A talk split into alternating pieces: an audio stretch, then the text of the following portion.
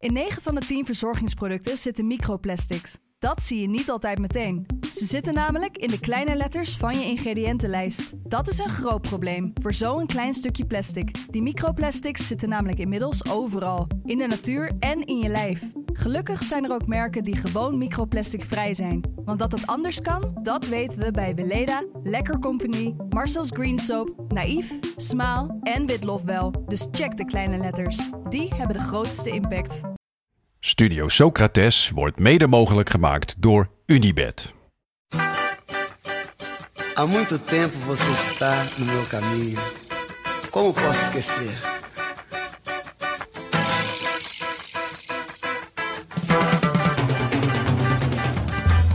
Welkom bij Studio Socrates, een podcast over iconische voetbalteams uit het recente verleden. Teams die je van voetbal lieten houden.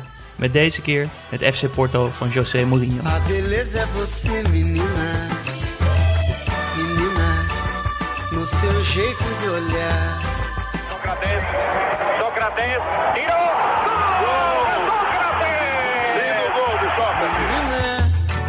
No seu modo de andar. Liverpool, Barcelona, AC Milan, Manchester United, Bayern München, Real Madrid en FC Porto. Dit zijn de winnaars van de Champions League sinds 2004. Het jaar dat de Portugezen het grote geld versloegen en de cup met de grote oren won. Via onder andere Real Madrid en Manchester United geraakten de mannen van Mourinho in de finale, waar in de arena of Schalke het Monaco van DJ Deschamps de tegenstander was. Porto won met 3-0 dankzij goals van Carlos Alberto, die met dat pleistertje op zijn neus, assistkoning Deco en de Rus Alenichev en doorbrak zo de hegemonie der Europese grootmachten. In deze aflevering blikken we terug op Paulo Ferreira, Deco en natuurlijk José Mourinho, de special one.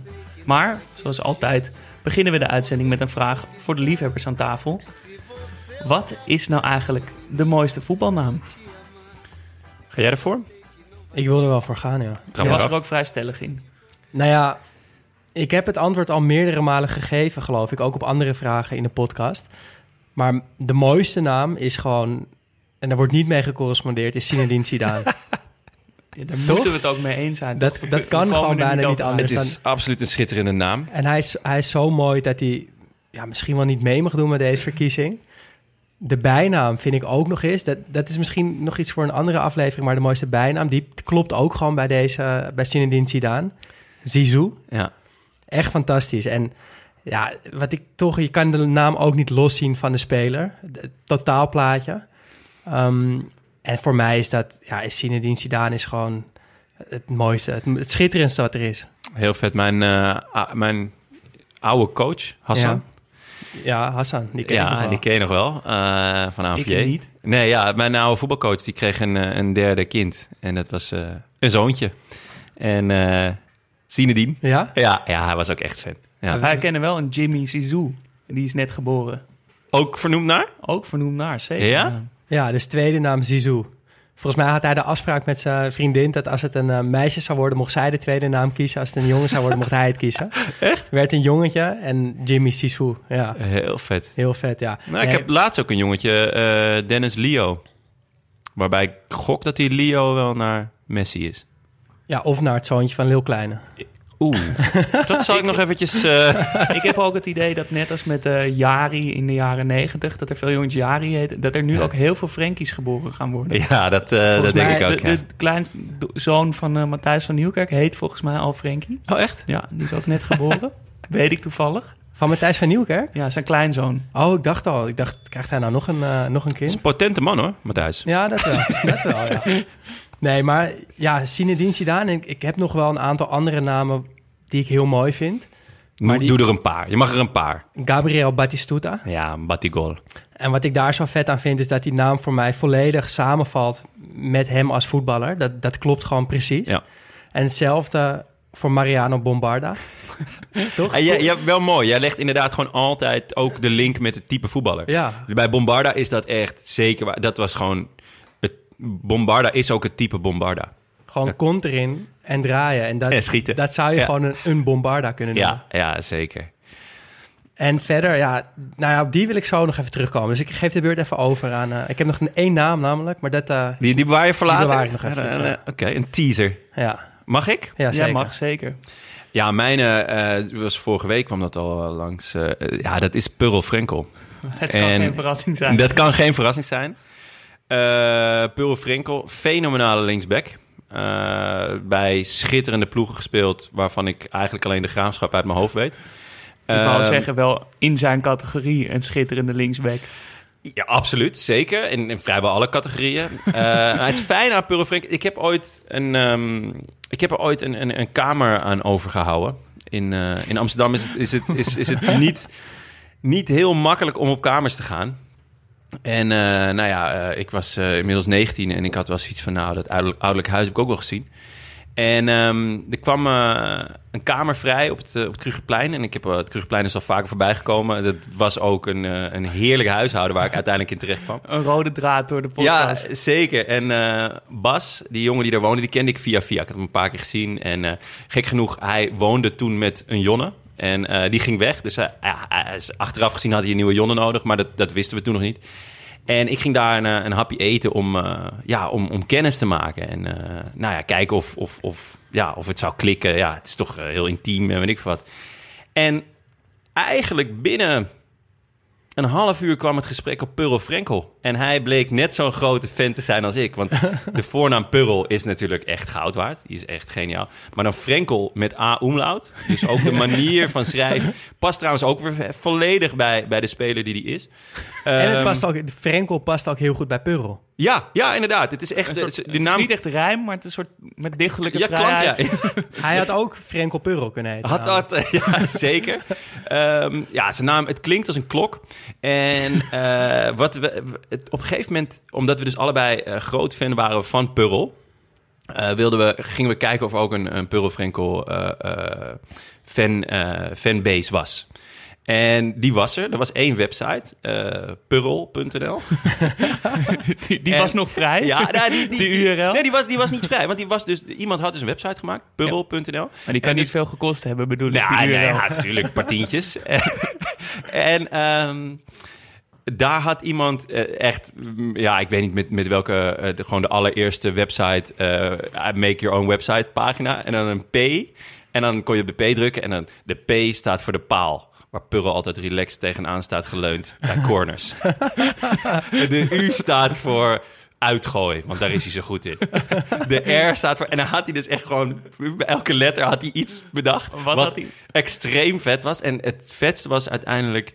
ehm, Weet je nog de A met umlaut, waar die voor stond? nou, ja, volgens mij had hij daar dus Australië van gemaakt. Want daar zitten er nog wel wat omlauts in. Want daar had hij ooit een afbeelding ergens in, in, eh, in, in eh, Sydney of zo, of in Brisbane, had in auto gezien met daarop een foto van Pearl Frenkel. Ah, Purl is overal. Ja, Pearl is everywhere. Le- nog opvallend minder feitje dat Pearl op een gegeven moment een tijd lang uit de roulatie is geweest. Omdat hij eh, tijdens het verhuizen van een vriend eh, toch een wasmachine op zijn voet had laten vallen. Nou, en hij heeft volgens mij ooit eh, in de bak... Nou, ik weet niet of hij in de bak heeft gezeten, maar betrokken bij, eh, bij een wietplantage, dacht ik. Nou, volgens mij, ja, Vrijgesproken. er- Er was wel iets met Toch? eh, softdrugs. Ja. Maar dat merkte je ook wel aan zijn chille manier van spelen. Ja, Het ja, ja, was het was gewoon- allemaal stond- voor eigen gebruik gewoon. wil je zeggen. Hij stond altijd in heel chill tegen de paal eh, aangeleund. Dus ehm, ja, dat, Pearl Frenkel is, is by far mijn, eh, mijn favoriet. Nog meer in de running. Ik, ik zat, zat wat ehm Ted van de Pavert. Ja, als je, je bent laatste man, je bent lang, je kan eigenlijk niet zo goed voetballen, maar je heet Ted van de Pavert, dan kom je er wel. Eh, Michael Boerenbach, schitterend natuurlijk. Karsten Janker. Oeh, ook omdat, ja... Vind ik de- op het randje, Het hoor. past bij hem. ja, maar dekt de lading. Ja, Janker precies, dekt ja. echt de lading. Ehm Aliadjer. Wat was zijn voornaam ook weer? Eh, Jeremy. Jeremy. Jeremy Aliadjer. Jeremy Dat vond ik echt schitterend. Ehm Deofaisio Zeefuik. Mooi. Ja, Ook, die is echt heel mooi. die gaat echt all over the place. Ehm, de zuurste voetbalnaam ooit. Siem de Jong. Toch, toch weer Siem de Jong. Ja. Hangt ook samen met, met de speler, volgens En jou. ik heb er ook nog één die ik, eh, eh, die zal ik zo meteen nog, eh, eh, eh, of, of jij wil natuurlijk ook nog de, ja. Maar ik mag ja, ook nog. Ja. Ja, jij mag ook nog. Nee, daarom. wil jij dat nu kunnen- zeggen dan? Nee, als we er allemaal één bewaren nog misschien. Oké. Misschien is dat leuk. Nou, dan zal ik mijne zeggen. Wagner Love. Ja. Ja. Dat was is- niet om met een heel verhaal erbij, maar gewoon ook de hele verschijning erbij natuurlijk met die blauwe dreads. Ja. Eh, in Rusland, dat, is, dat maakt het dan ook extra vet op een of andere Heb manier. je ooit nog overwogen, blauwe dreads? Eh, nee, maar met- mijn tweelingbroer heeft wel een keer blauw haar gehad. Dat, dat is misschien een...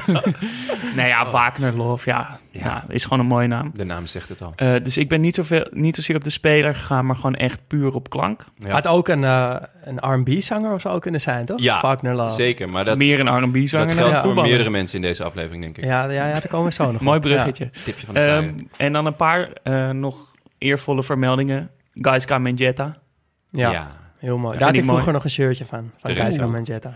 ook een mooie speler. ja. Eh Yuri Djorkaeff, Oeh. eh Ferdi Vierklauw.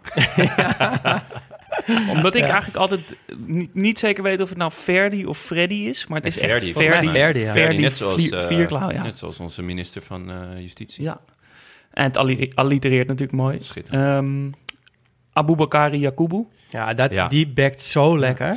Which reminds me, we hebben het over hem gehad in de podcast, maar hij is overleden. Hij is Ja. overleden, dat klopt. hebben wij toen helemaal niet gezegd, maar dat is eh, heel tragisch. Ja. Eh Sheila Ver. Prachtig. Scoorde vrije trappen, hè, als keeper. Ja, Ja.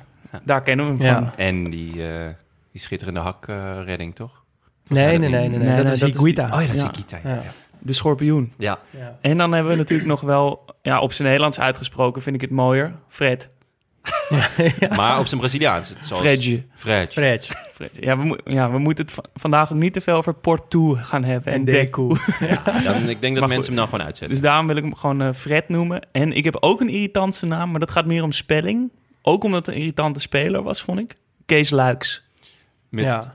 Ja. U, I, Ja, J. Van alle manieren waarop je Luiks kan spellen, hebben ze het... ja, op elke keuze hebben ze een rare gedaan. L-U-I-J-C-K-X. Ja, doe allemaal maar, dachten ze. Ja. Ja. Ja, nou, ja, dat kan- er slecht tegen. En dan hou ik er nog eentje te goed. Oké, nice. want ik zat nog even te denken, wat, wat is nou nog meer zo'n een mooie naam, maar die ook in mijn persoonlijke leven een rol heeft gespeeld. En toen kwam ik op een, ehm, een oude spits van Roda JC uit. Wilde gok? Of, of gaat dat, is, wordt dat te lastig? Mm, oude spits van Rode JC. Ja. Gilles de Beelden? Nee. Nee. Nee, het is eh, Jean Vion, Yulu Matondo. Ah, mooi. Ja, ja. Jean Hele Vion. mooie naam. Ja, En- mooi. En het ding was ook, ik had vroeger een aantal vrienden die eh, wel fanatiek bloden. Eh, ik deed daar zelf eh, niet zo vaak aan mee, want ik eh, nou ja, had andere dingen te doen. Was dit ook op het Krugerplein? nee, dit was in de rivierenbuurt. Jij zat toen al aan de harddrugs. Precies, ja, een jointje, wat moet ik daar nou mee?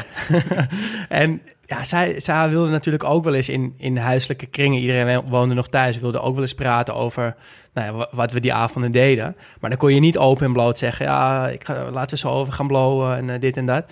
En eh, het codewoord voor een, voor een jointje was eh, een Yulu Matondo geworden. Dus als je het daarover wil- wilde hebben, dan noemde je dat gewoon een Yulu Matondo. En dan, ja, iedereen die dat niet wist, keek een beetje zo naar, nou, het zal wel wat die jongens gaan doen. en dat, eh, dat is het verhaal achter, achter Yulu Matondo. En dan, Well ze deden dat ook altijd op een, op een bankje aan het water. En daar lag zo'n ja, zo, zo'n ronde steen eigenlijk, gewoon vast aan de grond als een soort van deco- decoratie. Ja. Uh, en dat, dat noemden ze de Jabulani. naar, naar- de, naar de bal van het WK in Zuid-Afrika. Nou, dan weet je wel wat voor een uh, Ja. gesprekken op die plaatsvonden. Ja, nog een stikje erbij. Heerlijk, ja. Gewoon. Eh, Doen we eerst even een paar... ehm, Wat shout-outs? wat shout-outs, ja. Want we hadden ook via Insta... eh, Ja, we hadden de vraag ook op Insta eh, ge- gesteld. En eh daar kwamen mooie inzendingen bij, Ja. die we zelf niet eh, hadden bedacht. Eh, dus eh Yuri Piels kwam met Barry Powell. ja, eigenlijk Ja. alle berries, hè. Berries en buddies. We hebben veel, er is al, die naam is ook al veel gevallen. Ja. Eh, Joep van Meijer kwam met de Define Range. ja. Divine. Define, ja. Divine. Define. Divine. En Define. ook de spelling van range vind ik ook gewoon heel vet. Ja. Ja. En leuk omdat het zo, omdat het zo actueel is. Ja, Eh, Frank de Tank, Frank de Tank, Frank de Tank, ja. die kwam met eh, Prins Polly. Prins Polly, zeker. Was eh, wereldspits van Twente. Wel ehm, minder eh, goed in het uh, hooikoortseizoen. Dat eh, mogen duidelijk zijn. Eh, Xavier Berben kwam met Glynor Plet. ja, ik vind dat is ook echt een schitterende naam. Was ook een van mijn... Ook een schitterende voetballer trouwens. ja, ja, heel technisch, hè? Ja. En En heel lang. Ja. Ja, ik, ik heb vorig jaar eh, nog een potje tegen hem gevoetbald. Echt? Ja, dat is nog ook wel een grappig verhaal eigenlijk. Wij speelden toen met Swift in de voorbereiding tegen Telstar. De Witte Eh, Leeuwen. De Witte Leeuwen in het Telstar Stadion. Ehm, we verloren met 4-2 in de laatste 10 minuten of zo. Stond heel lang 2-2. Dat was best wel, best wel een goede pot van ons. Maar het ding was dat wij... Het, het was dinsdag na Lowlands. Oh, daar, En- heb ik, daar heb ik ook nog heel veel verhalen over. En wij, ja, Swift, eh, wij waren met zoveel spelers op Lowlands... dat we daar gewoon een teamfoto hadden kunnen maken. en die dinsdag na Lowlands, dan wil je geen wedstrijd voetballen. Dan wil je gewoon helemaal En niks. ik had al een wedstrijd gemist. Dus nou, ja, de trainer Ja. die zei Daan, eh, een uurtje voor jou. Dus ik dacht, nou ja, een uurtje vind ik al veel na Lowlands, maar oké, moet kunnen. En uiteindelijk ben ik de enige speler die dag geweest die eh, de 90 minuten moest volmaken. en daar heb ik, heb ik me echt heel lang beroerd over gevoeld. Dat was- kan ik me heel goed Ik denk zelfs dat het gewoon levensgevaarlijk was. eigenlijk. Ja, zeker. oh, heel vet. Eh, gaan we door of wil jij, je- wil jij jouw... eh, Ja, ik zal... ehm, want mijn, mijn een, eentje die echt ook lang meedeed... maar ja, Purrel is Purrel... ehm, is eh, Bastian Schweinsteiger. Schweini. Dat is wel een- mooi ook. Ja, wat een... eh, Ergens. Maar ook lelijk hoor. ook heel ja, lelijk. Ook gewoon een Maar mooi van lelijkheid Ja, wel. ook een, een, een vrij lelijke man om te zien. Nou ja, ja goed. Ja, wat een... Daar hebben we geen oordeel over. We gaan nog nee, een keer... dat er een jongen in mijn, in mijn oude team... zijn bijnaam was Schweini, omdat hij best wel op hem leek. je, je moet nu, Maar- je houdt nu wijselijk in. Ja, misschien dat ik maar beter eh, even... Maar durven we onszelf ooit de vraag te stellen wie de knapste voetballer aller tijden was? Ja, Voor een volgende zeker. aflevering? Zeker, Wel toch? ja, gaat Komt- zeker Ik heb daar ook wel een op, mening over. Ja. Bijvoorbeeld zeker wat op. Ehm, maar ik heb ooit, toen ik nog een stukjes schreef voor allerlei voetbalwebsites... eh, heb ik ooit een klein stukje, eh, een, een paar paragrafen aan Schweinsteiger gewijd. Dus eh, eh, met jullie permissie zou ik die graag even voorlezen. We zijn vereerd. Kom maar op. Ehm, in de kantlijn eh, van het serieus voetbalnieuws, waar ongetwijfeld Frank de Boer een dominant Ajax had gezien en zowel Benitez als Blanc tevreden was met een punt, kwam een opmerkelijk berichtje voorbij uit het Verre Oosten. Een nazi-pop die wel heel veel gelijkenissen vertoonde met Bastian Schweinsteiger. Een Chinees bedrijf heeft, zonder toestemming van de Duitser zelf, een nazi-pop op de markt gebracht, genaamd Bastian. Een korte blik op de website leert dat het poppetje ruim 30 centimeter is en tussen de 150 en 300 euro eh, daarvoor te bestellen is. Een langere blik op de website, zeer de moeite waard trouwens, leert dat er maar liefst 63 foto's van de pop te bewonderen zijn. De details zijn wonderbaarlijk en zeer treffend. Zo heeft de verdediger middenvelder van Manchester United een wollen kooltrui onder een uniform aan met matchende handschoenen. Ook de foto's van zijn drinkfles en de twee broden die hij bij zich heeft zijn prachtig. De scheiding van Schweini is perfect en de guitige, jongensachtige blik in combinatie met een iets wat verlegen lachje is misschien wat meer voor de jonge Schweinsteiger, maar dat het hem is, mogen duidelijk zijn. Het Chinese bedrijf is het daar overigens allerminst mee eens. In een verklaring stellen zij dat ze de Duits International helemaal niet als voorbeeld hebben genomen, maar dat alle Duitsers gewoon op elkaar lijken. Twee beledigingen voor de prijs van één. Opmerkelijk en een tikkeltje racistisch, maar verre van saai in ieder geval. In tegenstelling tot vrijwel alle wedstrijden van Ajax dat seizoen. Ja, Dankjewel hiervoor. Alsjeblieft. Ja. Dat, eh, ja, het is serieus waar. Echt. En ik heb... eh, ik, het staat me nog wel iets van bij, ja. Het is eh, van een paar jaar geleden. ehm, en ik, ik weet niet of de foto's nog te vinden zijn, maar het is echt... Je, je ziet het gewoon. Het is Schweinsteiger, maar dan in SS-uniform. Ja, het is echt... en hem dan ook gewoon Bastiaan noemen. Ja, pure klasse. Ik vind het wel mooi dat er een, toch een bepaalde ironie zit in het feit dat een Chinees bedrijf zegt dat alle Duitsers op Ja. elkaar lijken. Ja, daar, maar zit, is- daar zit wel een mooie soort vind ik ook mooi. pijnlijke ironie Ja, in. Vind ik ook mooi. Eh, mijn, eh, mijn naam die hou ik nog even te goed, want het is een bruggetje. Oh, Dus eh, we gaan even door met de, met de shout-outs. Oké. Ehm, Sander Breentjes kwam met een naam die ook al veel gevallen is deze show. Jan Vennegoor of Hesselink. ja. Moest er ook wat tussen zitten. Moest. Eh Sepp Fransen zei... Ja, eh, het is wel vrijdagmiddag, jongens. Ja, precies. Sepp Fransen zei...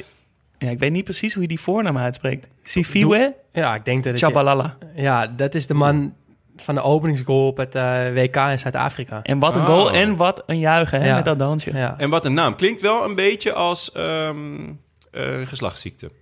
Beetje Sifiwe de, Chabalaba. ja, de, Chabalala. de, de Melvin Platje van... Waar kwam hij vandaan? Senegal? Nee, Zuid-Afrika. Dat is Zuid-Afrika. Ik heb een beetje last aan met Chabalaba. ja, ik heb een beetje aan met Chabalaba. Klinkt ook iets wat die vrienden van jou eh, tijdens het blowen zijn. Ehm, Melvin Platje werd trouwens ook veel genoemd. Ja, Maar, eh, ook.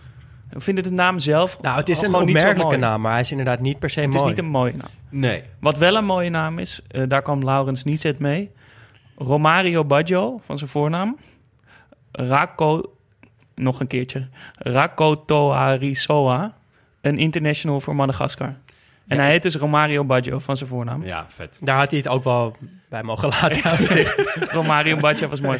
Ja, Thomas gedeelte klinkt toch gewoon weer als een seksueel overdraagbare aandoening. Ja. Veel namen dus Ja. blijkbaar. Eh, misschien de volgende ook wel. Daar kwam Thomas Visser mee. Tijani Babangida. Ja, Ja, daar eh, heb ik trouwens, of, ja, eigenlijk wel ik gewoon. Daar heb ik onze hond toen wij jong waren naar vernoemd. ja? Ja, ik Tijani of Babangida? Nee, of Bamba, allebei? afkorting. Bamba. Ja. Ja. En er speelt nu een Tijani in de Eredivisie. Ja, Tijani bij Reinders. eh, AZ. Goeie Ja. speler trouwens. Ja, zeker. Echt een hele en, mooie eh, speler. maar ja, dat is dus waarschijnlijk gewoon vernoemd naar Ja. Tijani. Dat kan toch bijna niet anders? Nou, Nee, Bamba- je Ik verwacht de Frankies, maar het zijn de Tijanis die, Nou die, ja, eh, het is, die het het is ook doen. logisch, want het is natuurlijk, hij is nu inmiddels 20, die jongen. Zijn broertje heet eh, Sunday. Sunday Reiners. Echt? Nee, nee, nee. zou nee, vet nee. Sunday naar voren. Ook een mooie naam. Sunday. Eh, Tom Waller kwam met Cor Varkenvisser. Ja, mooi. Ja, ook, daar wil ik toch ook weer wat over kwijt, als het nog mag. Ja, zeker. Daar is daarvoor zijn we hier. Ja, Tuurlijk. ik, een tijdje in mijn leven keek ik op vrijdagavond gewoon, als ik niet eh, ergens in de stad was. eh, Als je dus- geen Yulu Matondo's Ja, naast smoken het. Jabulani, eh, precies. Dan keek ik de highlights van de Jupiler League. En het viel me gewoon op dat Cor Varkenvisser in de, onder de lat bij Telstar gewoon elke week blunders maakte. Ja. En toen heb ik echt op het punt gestaan om een compilatie te maken van zijn blunders. en ik heb ook wel eens op YouTube gezocht of dat bestaat. Maar dat bestaat niet, dus daar ligt gewoon nog wel een kans. En, en die moet gemaakt worden. Want En op man, DVD worden uitgebracht. ja, die man heeft zoveel blunders gemaakt. Ja. Ja, Ah, op zich dekt de naam dan wel de lading. klopt ook gewoon. ik, zou hem, eh, ik zou hem kopen. Eh, Noemi van der Poel zei Richet Libazour. Waarop jij meteen zei, Jonne... Ja, eigenlijk moet je dan zijn broer noemen. Irshantli Bazoer. maar ja, dat is geen voetballer. Dus het is een zaakwaarnemer. Maar Richet is ook mooi. Eh, Willem van Elk had een hele goeie, vond ik. Fons Slapper. Die ken Ja, ik helemaal niet. ik ken hem ook Fons niet, maar ik vond het een fantastische naam. ja, Ja. Ja, dat is mooi. zeker. Eh Luc Langeveld kwam met Mohamedou Habib Habibou. Ook heel mooi. Ja. Ja. En eh, als... Oh, nee, ik zeg eerst mijn en dan hebben we nog een speciale shout-out. Want ik wou nog zeggen Edgaras Jankauskas. Ja, die kennen we. Die kennen we, want die speelt in dit team van Porto. Maar ik heb daar ook wel... Ik vind dat ook wel een mooie naam, Jan Kauskas.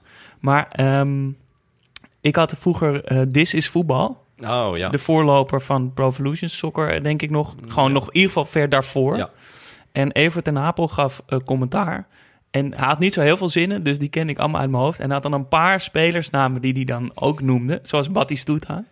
en sommige had hij dan twee keer ingesproken, gewoon Batistuta. Of als hij dan een kans hadden, dat hij zei Batistuta. en dat had hij dus ook met Jan Kauskas. Maar ik heb eigenlijk, tot ik aan het voorbereiden was voor deze aflevering...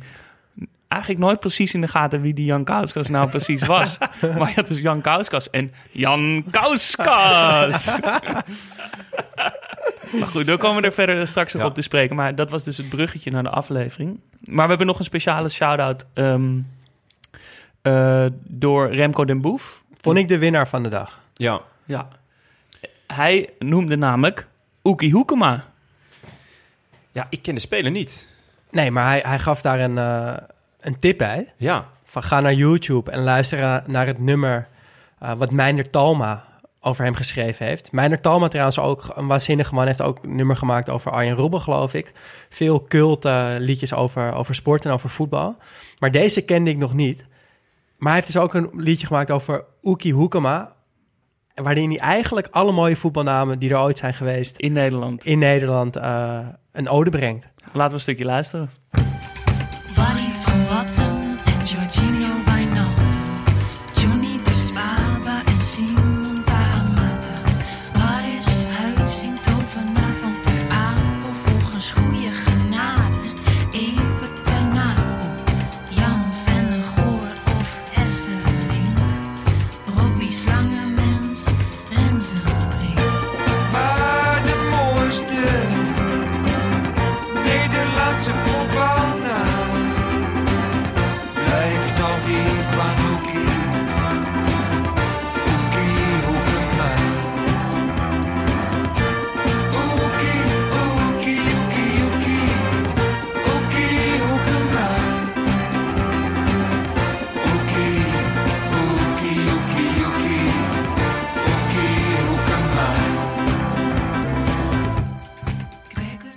Lekker nummer. Hoekie, hoeken.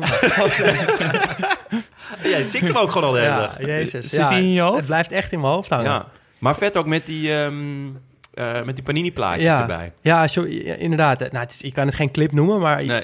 je ziet een panini-plaatje van elke speler die die noemt. En hij noemt onder andere eh Wijnaldum, Willy Overtoom, Kermit Erasmus. Harris Huizing. Ja, en, en nog heel veel andere Ja. mooie namen. Henk-Jan Tiktak, Ja.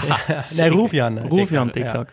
Ja. maar in ieder geval, eh, ja, bedankt voor deze inzending. Inzendingen eigenlijk. Ja, daar waren we blij mee. Ja, waren we heel blij mee. Ehm, maar dan is het nu wel tijd om over te gaan naar, naar Porto in 2004. Maar voordat Ja. we naar Porto in 2004 overgaan, gaan we eerst naar 2004 over. En daarvoor kijken we altijd naar Jonne. Ja, eh 2004 hebben we natuurlijk al eh, lang en breed eh, uitgemolken. Dus eh, ik zat eigenlijk gewoon eh, aan een Porto-quizje te denken, jongens. Oeh. Ja. Kom maar op. Nou, Ehm, wat is de bijnaam van Porto? Porto.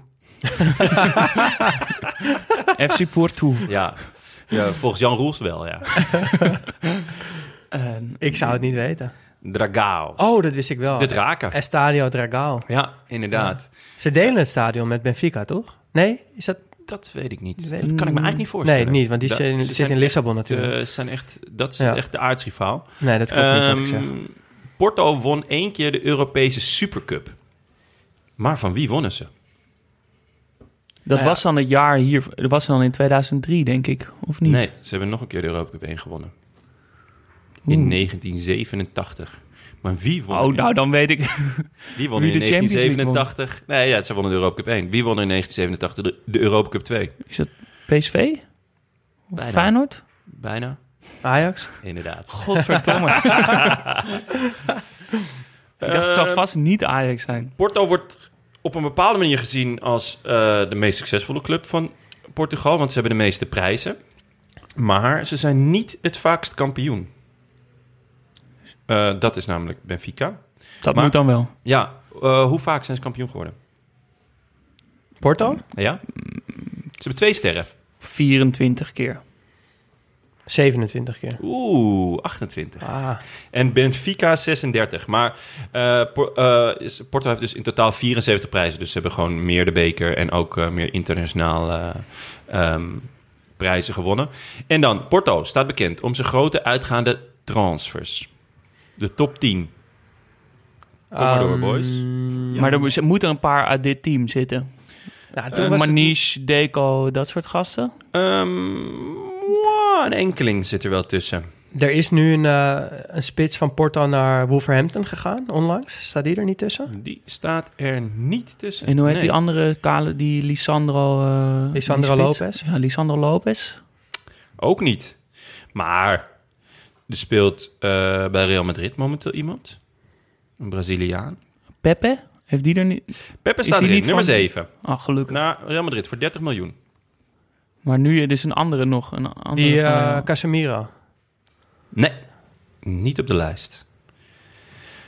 Jeetje. Goh, jongens, dit ja, we vallen wel echt door de mand. Ja. Ehm, Nou, kom maar door dan, Jonne. ja, op nummer 10. Ricardo Quaresma. Oh, ja. Oeh, mooi. Naar Inter voor 24 mil. Joao Moutinho naar AS Monaco voor Hadden we 25 mil. Ook mogen weten. Alex Sandro naar Juve voor 26. Dat had ik echt nooit geweten. Ricardo Cavallo Ja, gedeelde zevende plaats met Peppe. Op 6 Anderson naar Menu ja. voor 31,5. Samen met Danilo naar Real Madrid voor 31,5. Jackson Martinez. Ja, die wist ik wel. André Silva naar AC Milan voor 38 miljoen. Toch niet echt toppers allemaal, hè? Ja, daar komen we nu aan. Eh, gedeelde derde plek voor Falcao. Ja. ja, Naar- ja. Radamel. Eh, voor, ja, voor 40 miljoen. Hulk naar Zenit. Natuurlijk. Oh, ook voor ja. 40 miljoen. Eh, gedeelde tweede plek. James Rodriguez, Ja, Monaco. Eh, Mangala naar City. ja. En nummer 1 is eh, Militao naar Real Madrid. Voor 50 miljoen. Jeetje, wat een geld voor veel Ja. toch niet zo, zo Nee, hele goede en. Zo'n schande is het niet dat we het niet echt Nee. wisten. Nee, nee, klopt. Maar het is wel... En daarom heb ik het ook gedaan. Ik verbaasde me altijd, zeker toen, toen Ajax zo slecht boerde met, met zijn spelers. En, en eh, eigenlijk vind ik van Feyenoord en PSV nog steeds... dat ze niet de, de hoofdprijs krijgen voor hun spelers. Van hoe kan het toch dat in Portugal, wat een armer land is ook dan Nederland, waar je... En de competitie is net zo klein, minder mensen die er naar kijken, lijkt mij. Hoe kan het toch dat er daar zulke grote eh, uitgaande transfers zijn altijd? Porto verkoopt echt Ja. al jaren, want sommige van ik heb die- wel het idee dat zij dat hun budget, in ieder geval in die tijd, waar we het nu, dan nu een beetje over hebben, wel ook groter was dan dat van Ajax bijvoorbeeld. Dus dat ze ook spelers kochten voor wat meer geld. Ja, dus, dus eh, dat is een Die zich tactiek- ontwikkelden en die Ja, zich dan ook weer voor Dus meer geld konden verkopen. Die Braziliaanse connectie. Ja. eh, en een paar Colombianen. Want, en, want op zich, de bedragen die ik nu noem... zijn allemaal onder de 50 miljoen. En Ja. nou oké, maar dat is pas omdat sinds drie jaar dat heel normaal is. Maar Hulk en eh Falcao gingen gewoon voor 40 miljoen in 2011 en 2012. Dat was echt wat Ja. nu ongeveer 120 miljoen is. Ja. Ehm, Mangala en James Rodriguez eh, voor 45 miljoen in 2014 en 2013. Ja, dat, dat, dat was toen eh, waren dat echt absurde bedragen. Heeft Ja. dat ermee te maken dat Portugal het op internation- als, als Portugees elftal goed doet? En dat daardoor die competitie ook... Is Nee, dat want een Nederlands totaal elftal- uit de duim gezogen? Nee, want het Nederlands elftal eh, is, is over het algemeen toch ook gewoon een heel goed eh, nationaal team. Maar er Alleen- komen ook veel, veel spelers uit Nederland, toch? Ehm, ja, maar dat is toch niet erg? Ik bedoel, die kan je toch ook gewoon goed verkopen? Ja, Ik- nee, maar precies. Dus... Maar volgens, volgens, mij, volgens mij hebben zij gewoon eh, het voordeel van, van de taal. Dus dat spelers uit Zuid-Amerika waarschijnlijk liever in Portugal komen te spelen waar ze de taal spreken en misschien al één, twee spelers kennen, dan dat ze naar Nederland komen. En ik heb wel het idee dat Ajax in ieder geval, dit gaat nu wel redelijk aan het dicht Ajax is. heeft het gedicht. Eh, die, die verkoopt echt voor heel veel geld. Ja, Maar ja, dat is ook heel lang niet zo geweest. Nee, precies. En eh, ja, als je deze bedragen ziet, dan denk je van wow. En ook Portugal staat echt nou, redelijk ongenaakbaar op de coëfficiëntenlijst boven, boven Nederland. Ja. Terwijl, Maar dat betekent dan toch ook dat de competitie sterker is? nou ja, dat zou je zeggen. Maar eigenlijk heb je in, in Portugal ook maar drie clubs. Want het is niet dat Boa Vista nou... eh, nee, Braga eh, was een paar jaar Braga een beetje aan, maar niet echt. Maar, maar echt een... een, een ja, ik, ik verbaas me altijd eh, als je Nederland, de Nederlandse competitie spiegelt met die van Portugal. Dat je denkt, van, oeh, wat, wat gek toch dat we daar zo ver achter staan. Maar ik denk wel, als je een competitie zou beginnen met de drie grootste van Nederland en de drie grootste van Portugal, dat, dat die toch over het algemeen dan wel sterker zijn. Ja, maar het, het, het, gat wordt voor mijn gevoel dus wel kleiner. Met Ajax bijvoorbeeld tegen Benfica twee jaar geleden in de Champions League... dat Ajax twee keer won. Ja. Of, of één keer gelijk speelde, geloof ik. Maar in ieder geval eh, de betere was het Mhm. tegenover Benfica. Ehm, en ja, ik, ik, ik hoor ook gewoon de laatste jaren wel iets minder van, van die teams. Ja. Waar, ze, waar ze eerder wat verder kwamen in Europees toernooien... en heel veel goede spelers afleverden. Lijkt het nu ietsje minder te zijn.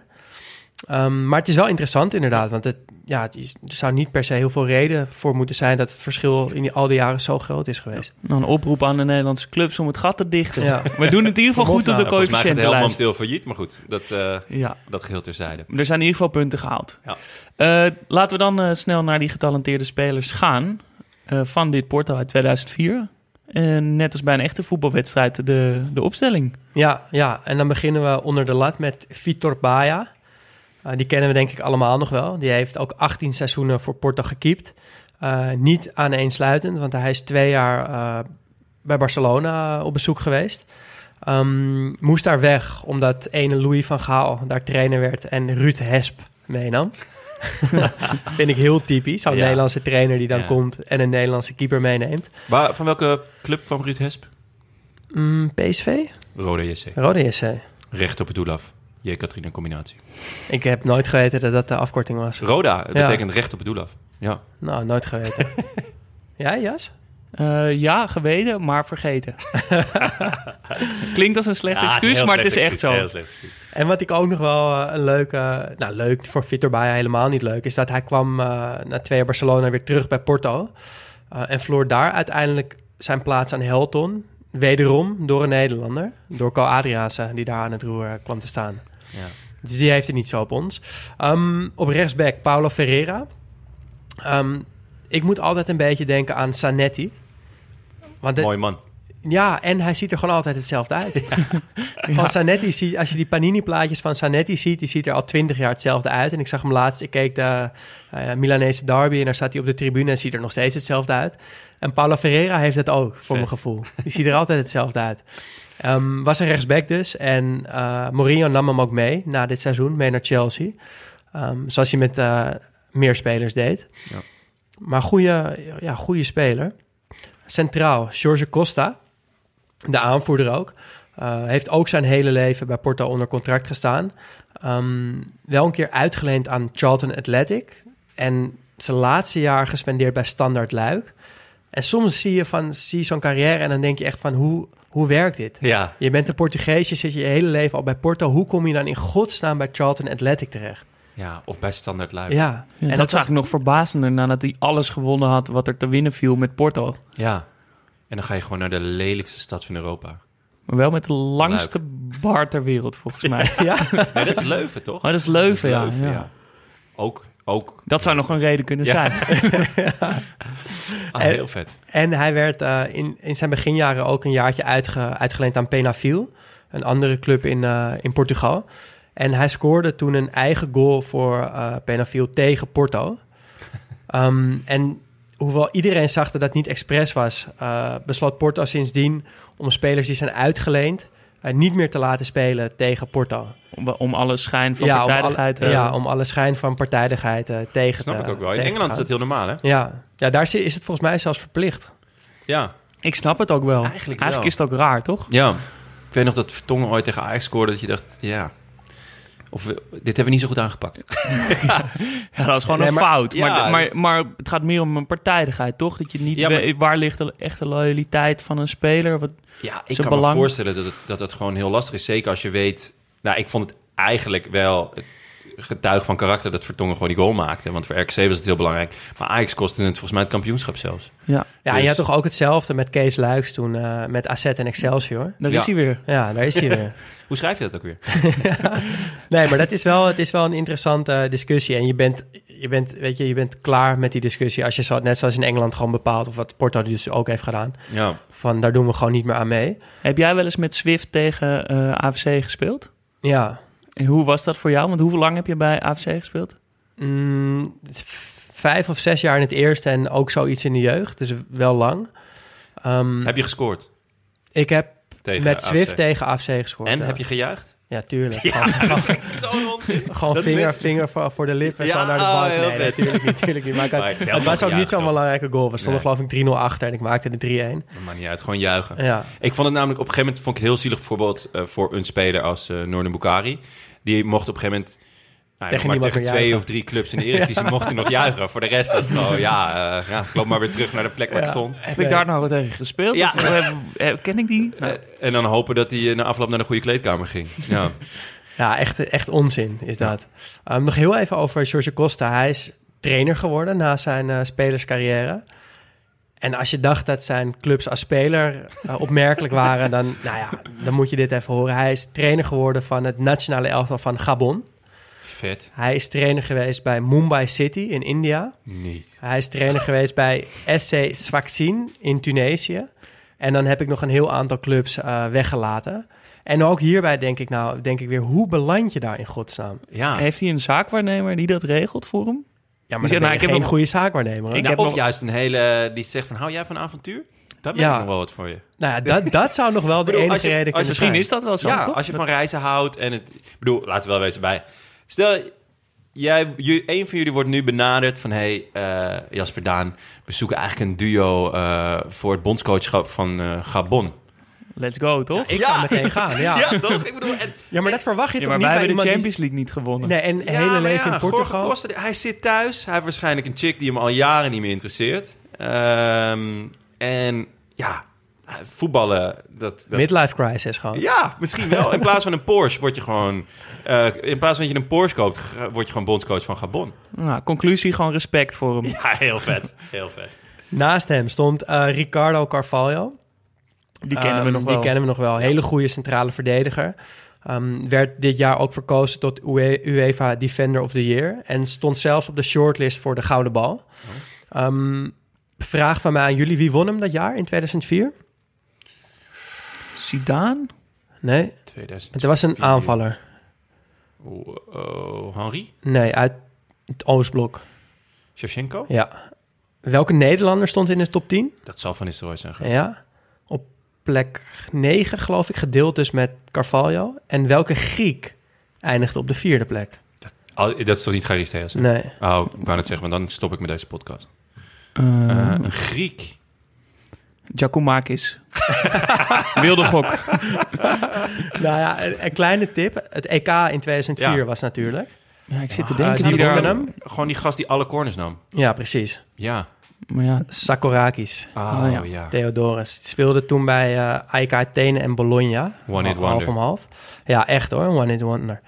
Ehm, Carvalho ging mee met Mourinho ook naar Chelsea, net als Paulo Ferreira. En speelde later nog eh, natuurlijk bij Real Madrid en nog even bij eh, Monaco.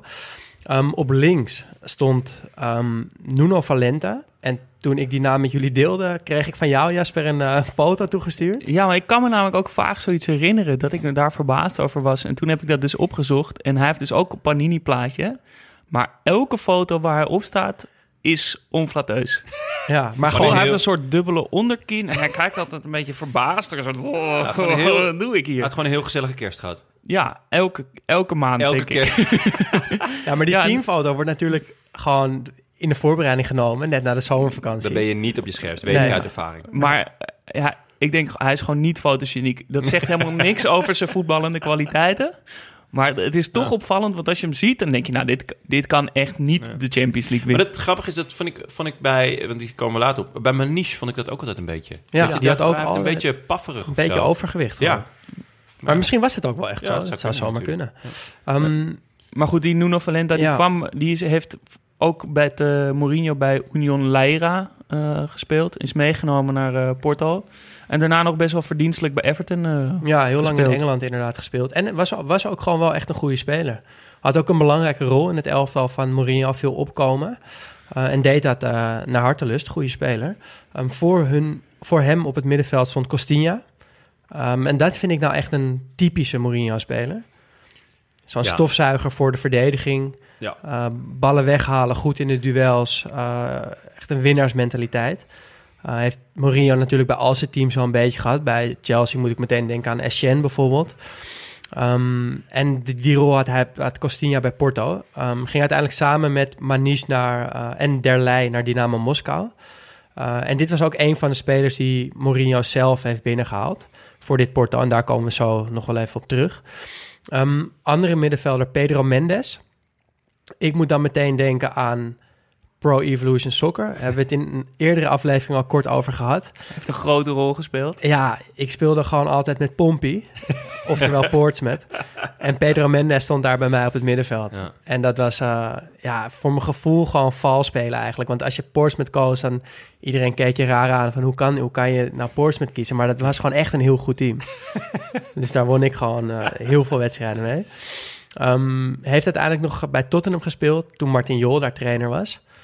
Vind ik ook nog steeds een waanzinnig gezicht. Martin Jol als trainer van, van Tottenham Hotspur. Ja, zeker als je bedenkt dat hij nu ADO Den Haag naar de kloot heeft. Ja, ja, lekker naar de keukenkampioen-divisie.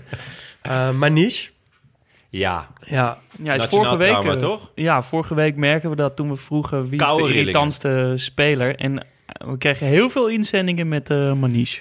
ik heb het idee dat, dat, erg- dat in, die, in deze jaren dat gewoon elk, elk EK en WK dat Maniche ons eh, de das omdeed. En we moesten dus niet ook klopt, altijd maar tegen We Portugal. moesten altijd tegen Maniche. ja. ja. En dan had je die, eh, die ene rechtsback ehm, die altijd Robben uitschakelde.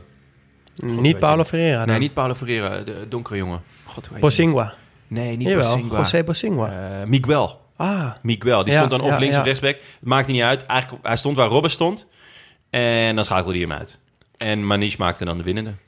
Dat was in een notendop hoe, eh, Ja. hoe Nederland-Portugal eruit zag. Ja.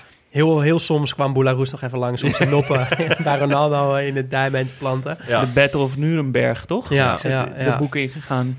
Maar wat ik nog wel leuk vond, eh, nou het enige leuke dan misschien aan Maniche, was... ehm, hij heet helemaal niet Maniche, eigenlijk. Hij heet Nuno Ricardo de Oliveira Ribeiro. Nou, nu is dat wel vaker zo met Portugese en Braziliaanse spelers... dat ze een andere Voetbalnaam. voetbalnaam dragen. Leuk. Eén naam dragen, Ja. toch? Ja. Maar Maniche is eh, vernoemd naar een Deen, Michael Manish. Een Deense voetballer die in de jaren 80 furoren maakte als spits bij Benfica.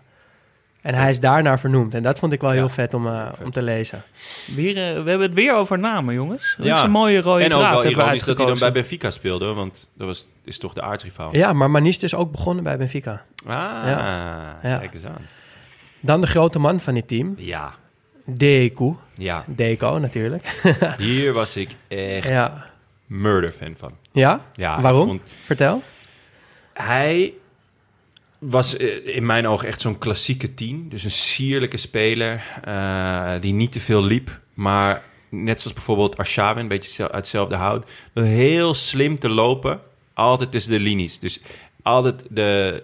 Hij was zo moeilijk te dekken, omdat hij continu bezig was met eh, positie kiezen ten opzichte van de tegenstander. Dus op het moment dat de, de, de laatste linie dacht... oké, het middenveld heeft hem... dan deed hij weer twee pasjes naar links... en dan dacht het middenveld... oh, Ja. de verdediging heeft hem. Dus daardoor speelde hij altijd zo perfect tussen de linies. Hij ging daarna naar Barcelona... in het Barcelona van Rijkaard... wat ik het vetste Barcelona ooit vond. Ja. Met, eh, ja, ik vind het een heel zure term... maar tiki-taka voetbal werd daar... in mijn ogen werd, werd daar de grondslag voor gelegd. Maar veel directer. En hij was daar echt zo belangrijk in. Hij was echt... Ik vond het zo'n feest om naar te kijken. Maar Ja. ook in dit team met Porto was Ja. hij er wel de speel, toch? Zeker, ja. Een heel groot blok achterin en dan hele snelle omschakeling via Deco en dan Ja. zocht hij die spitsen. Ja, en dat, dat uitte zich in het feit dat hij de meeste assist gaf in de Champions League. Samen met Rotin van Monaco, eh, tegen wie ze in de finale speelden. En dat hij in 2004 ook UEFA voetballer van het jaar werd. En ook nog eens man of the match in de finale. Ehm, Met een schitterende goal. mm, ja, met een hele mooie goal, ja. Een hele ja, als je Ja. het in de finale van de Champions League hem Ja, zo heel rustig, rustig, wil ja. binnen Ja. kan schieten, dan ben je een grote. Ah, Het leek een beetje in slow motion te gaan. Zoveel controle. Ja, maar dat, dat vond ik bij hem sowieso Ja. wel. En eh, omdat het niet iemand was die het nou heel erg van zijn loopvermogen moest hebben, maar hij had wel diepgang. Het was niet, niet dat hij, dat hij weet Nee. je wel, van die echte nummer 10's die eigenlijk niks doen. En Nee, dan maar- vinden dat ze de bal al- alleen maar moeten hebben. Maar hij had ook diepgang. Ja, Ehm, maar hij, hij liep slim. En soms eh, Ja. leek het inderdaad alsof het in slow motion was. Maar dat, maar bij, bij eh, wat je zegt, hij heeft ook diepgang. Bij Barcelona is hij, is hij eigenlijk een hele complete middenvelder Ja. geworden. Want daar is hij een beetje afgestapt van die nummer 10 rol. En is het gewoon een box-to-box middenvelder eh, geworden. En werd hij ook geroemd om zijn werkethos. ja, Daar werd het echt een hele complete middenvelder. ja, Ehm, en nog even een leuk feitje, gewoon eh, zodat we dat weten. Het is de schoonbroer van Richarlison. Oh, Ja. Dan komen we uit bij eh, Carlos Alberto. Ehm, die met dat pleistertje op zijn neus. Hij eh, kwam in de winterstop over van Fluminense. En maakte een goal in de finale. de, de 1-0. Een beetje een frommelgoal, maar toch wel mooi uit de draai afgemaakt. Ehm, een hele grote belofte was het, maar hij heeft die eigenlijk nooit ingelost. Hij ging in 2005 alweer terug naar Brazilië. Eh, heel veel clubs daar versleten. En ehm, ja, wel nog geprobeerd in Europa bij Werder Bremen. Uh, maar daar slaagde hij niet om ja, heel veel redenen. Maar onder andere omdat hij last had van insomnia. Echt? Ja. oh, dat is ook wel heel en taai. ging weer terug naar Brazilië en versleet nog meer clubs.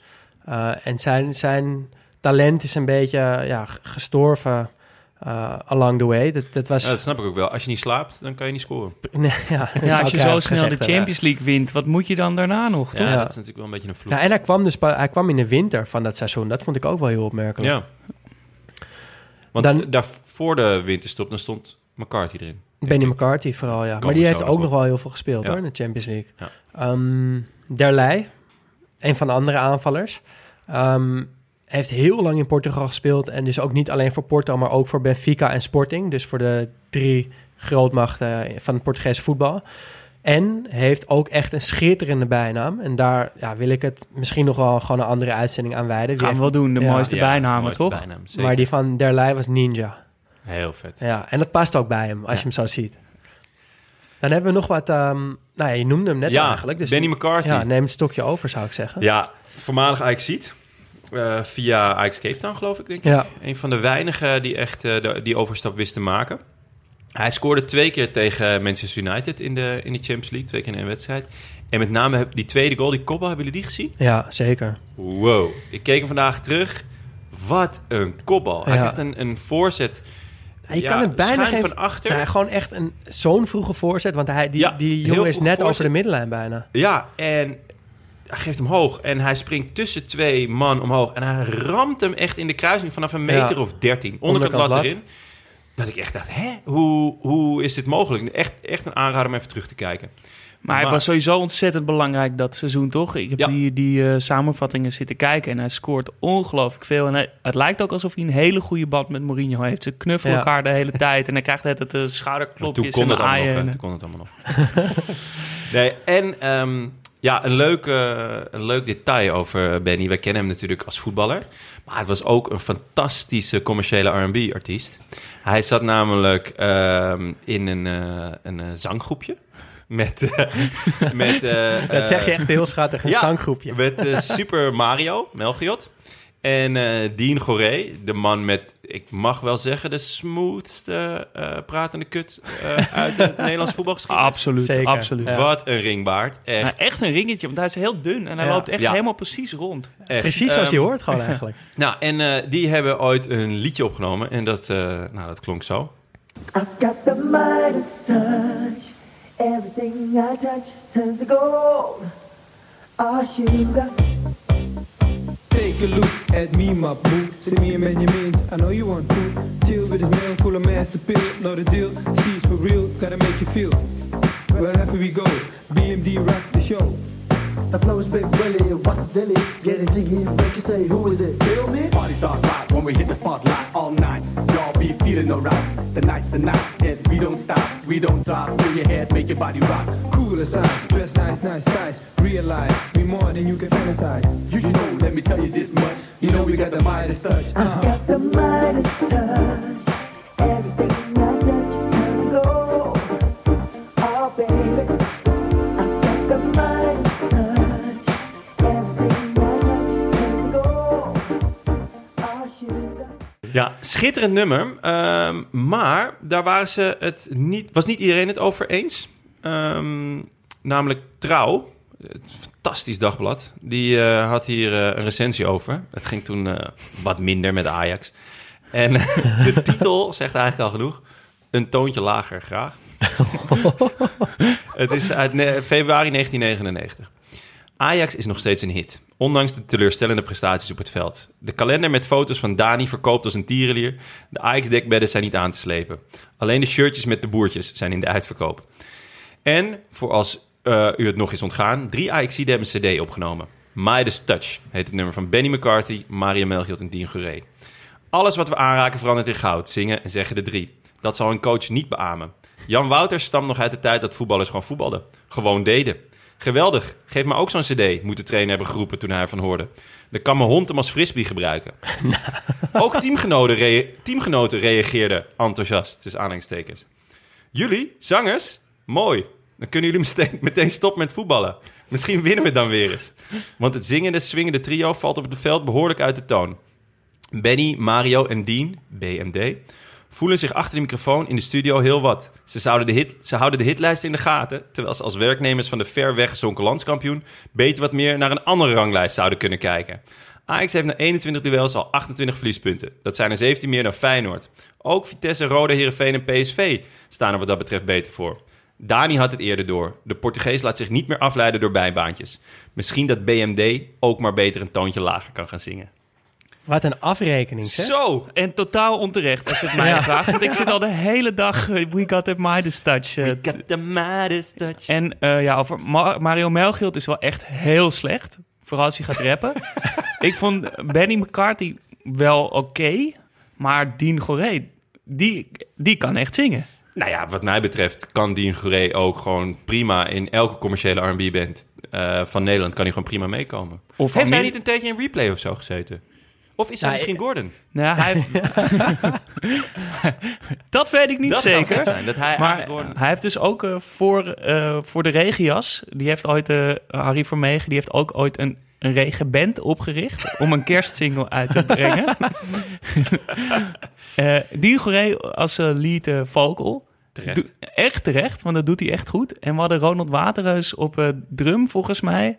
En eh, Victor Moens op, eh, op piano. En eh, volgens mij Q Jaliens op saxofoon. En nog een aantal Ja, voetballers Jan Paul. Sijs, Jan Paul Sijs, geloof ik, op basgitaar. Ja, Ja? zoek het op. Ja. Nou, je zou zeggen bij Q. De regenband. Bij Q zou je meer als toetsenist, maar oké, ja. Gewoon op de sax. Heel vet. Heel vet, ja. Sowieso een, maar een legendarisch we- programma. eh, ik vond BMD met de Midas Touch oké, vond ik het. Ja. Maar ik vond de regenband wel nog beter eigenlijk. Moeten we hem laten horen? Nou ja, laat ze maar doen, toch? Let's go.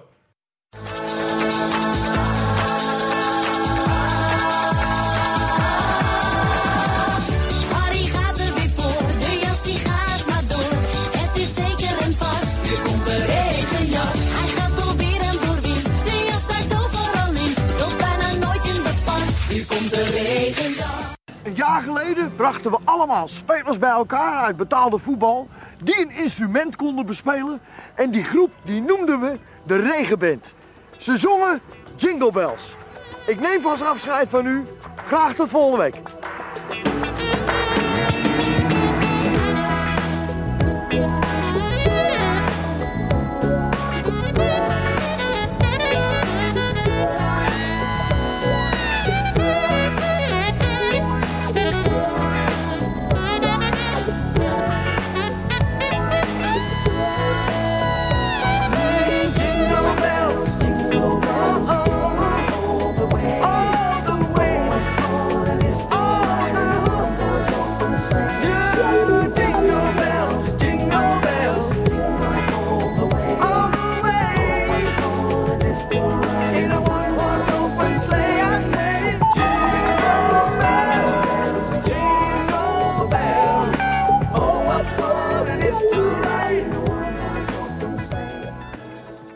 Schitterend, schitterend. Nog een laatste trivia over, dus over BMD. Een vriend van mij die heeft echt jarenlang eh, in de krochten van het internet gezocht naar de, de single hiervan. En volgens mij heeft hij hem eh, nog, eh, is het hem gelukt om op de kop te tikken. item. Ja, het is echt collectors item. Ik kon trouwens, de enige video die ik hiervan kon vinden... was op de persoonlijke website van Mario Melchiot. www.supermario.nl. Dus die is er gewoon heel trots op. Ja, die Ja, is er gewoon trots ook. op. Ja. Eh, nou, toch mooi. Ja, Ja, lekker. heel mooi, heel mooi. Nou, dan gaan we nog even snel eh, de bank langs van Porto. Eh, José Bosingua ehm, zat op de bank. Eh, Jan Kauskas, je noemde hem net al.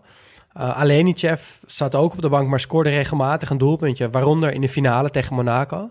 Deed dat een jaar eerder ook in de finale van de UEFA Cup. Want dat is misschien ook wel goed om te vertellen. Die won Porto ook, Ja. eh, het jaar hiervoor. Eh, en hij staat hierdoor in een rijtje met de echte Ronaldo en Koeman. De enige twee spelers die achtereenvolgens in twee verschillende Europese finales een goal maakten. Leuk rijtje. Ja. Ehm, op de bank zat ook Hugo Almeida. En daar heb ik op een of andere manier echt een zwak voor. Dat is, vind ik, een ongelofelijke cultspits met gewoon een linker die, ja, die zo hard kon schieten. En voor de rest niet zo heel veel. Maar dat gewoon heerlijk. Ik Vooral vond het in- echt een verschrikkelijke speler met Nee. die snor, toch? Ja, precies. Ja, Oh, ja nou, dat is toch kult. Genieten. echt zo'n stroeve spits Ja. die dan op die ballen staat. Nou goed, Precies, ja, heerlijk. En dan eh André Villas-Boas. Zat ook op de bank. Oh, ja. ja. was assistent van Mourinho. Ja, Met 26 jaar. En ik vond wel een mooie anekdote daarover. Want hij woonde in eh, 1994 eh, in het appartementengebouw van Bobby Robson, die op dat moment trainer was van Porto. En eh Vilas Boas was 16 toen en, en ehm, stuurde een brief naar Robson om te vragen waarom Paciencia eh, niet in de basis stond. En voegde daar een heel tactisch plan aan toe hoe die wel in de basis zou kunnen staan en makkelijk zou kunnen meedraaien. En eh, Robson was ervan onder de indruk en nodigde hem uit om eh, lid te worden van de observatieafdeling van FC Porto. En zo is zijn trainerscarrière Interessante eh, afdeling. begonnen. Ja. Wat vet. zeg. En later dus op zijn 26e won hij dus als assistentcoach van Mourinho de Wat Champions hard, League. zeg. ik moet zeggen dat ik de naam Domingos Paciencia ook wel heel mooi vind, hoor. Ja, inderdaad. Maar was, was Mourinho niet ook eh, assistent bij Bobby Robson? Eh, Ja, ja, dat klopt. Ja. Zeker. Dus Robson heeft echt wel een grote, grote rol gespeeld. Ja, en dat is meteen... We moeten het namelijk echt nog even over Mourinho hebben. Want Uiteraard. eh, dit is, wat mij betreft, 100% is die, die overwinning van de Champions League... is 100% op het konto van Mourinho af te, Ja, af te hij schrijven. is Hoe noem de, de ster van het team, toch? ja, zonder hem was, er, was het echt niet gebeurd. Hij pakte ze op hij werd trainer op het moment dat het slecht ging en was hij zei zelfs toen hij aangesteld werd: eh, dit is het slechtste team wat Porto in jaren heeft gehad. En hij werd in de, hij werd in de winter werd hij aangesteld. En hij zei: maar volgend seizoen, het eerste seizoen dat ik een heel seizoen kan trainen, dan word ik kampioen. En hij won dus al de Europa League in dat half jaar en daarna dus de Champions League. Nou, Ja, dat is wel echt ongelooflijk. Dan ben je... De special one. I have to I have to say this.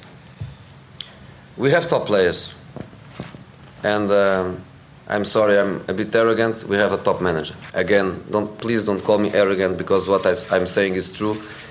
I'm European champion, so I'm not one of of the bottle. I'm a, I think I'm a special one. Ja, en ik eh, loop eigenlijk al een tijdje dit tegen iedereen te zeggen, maar er staat dus een aflevering over hem op Netflix. Waar niemand luistert naar, hè? Waar niemand naar kijkt, maar het is zo vet. En hij legt uit wa- wat zijn aflevering filosofie... waarvan? Ja, het Een docu heet, of ja, een, een, een, een se- ik ben even de naam kwijt, maar het is een serie over coaches die worden geïnterviewd. Het zijn allemaal Amerikaanse coaches met basketbal en eh, vond het allemaal niet zo interessant. Maar Mourinho wordt dus ook uitgebreid eh, aan de tand gevoeld en die zit er met enige tegenzin. maar wat hij vertelt allemaal is zo... Ik ben echt ontzettende fan geworden van hem. Je was geen fan. Nou, ik ben Ja, nog ik steeds was geen wel- fan namelijk. Dus over, Nee. probeer me... Waarom was het zo bijzonder? Nou, ook dit fragment van, het, eh, van I am not one from the bottle. I am the special one. Hij zegt het, ik bedoel, hij is natuurlijk arrogant, maar, maar het is toch ook zo? Hij wint met Porto de Champions League. En dan mag je toch ook zeggen van, ja jongens, sorry, maar ik weet waar ik het over heb. Het is precies wat Van Gaal deed, toch? Ja. Toen, ah, toen je met Ajax de, de Champions League vond. We zijn de Heeft beste. het- eh, is natuurlijk ook lang assistent geweest van, eh, van Mhm. Gaal en van eh, Robson. En voor de rest heeft hij veel geleerd van, eh, ook van twee professoren. Dus hij was heel vooruitstrevend. Eh, Manuel Sergio leerde hem over het belang van de psychologie. Dus hij was heel erg bezig met het psychologische profiel van spelers. En daarnaast een professor die heette Vitor Frade.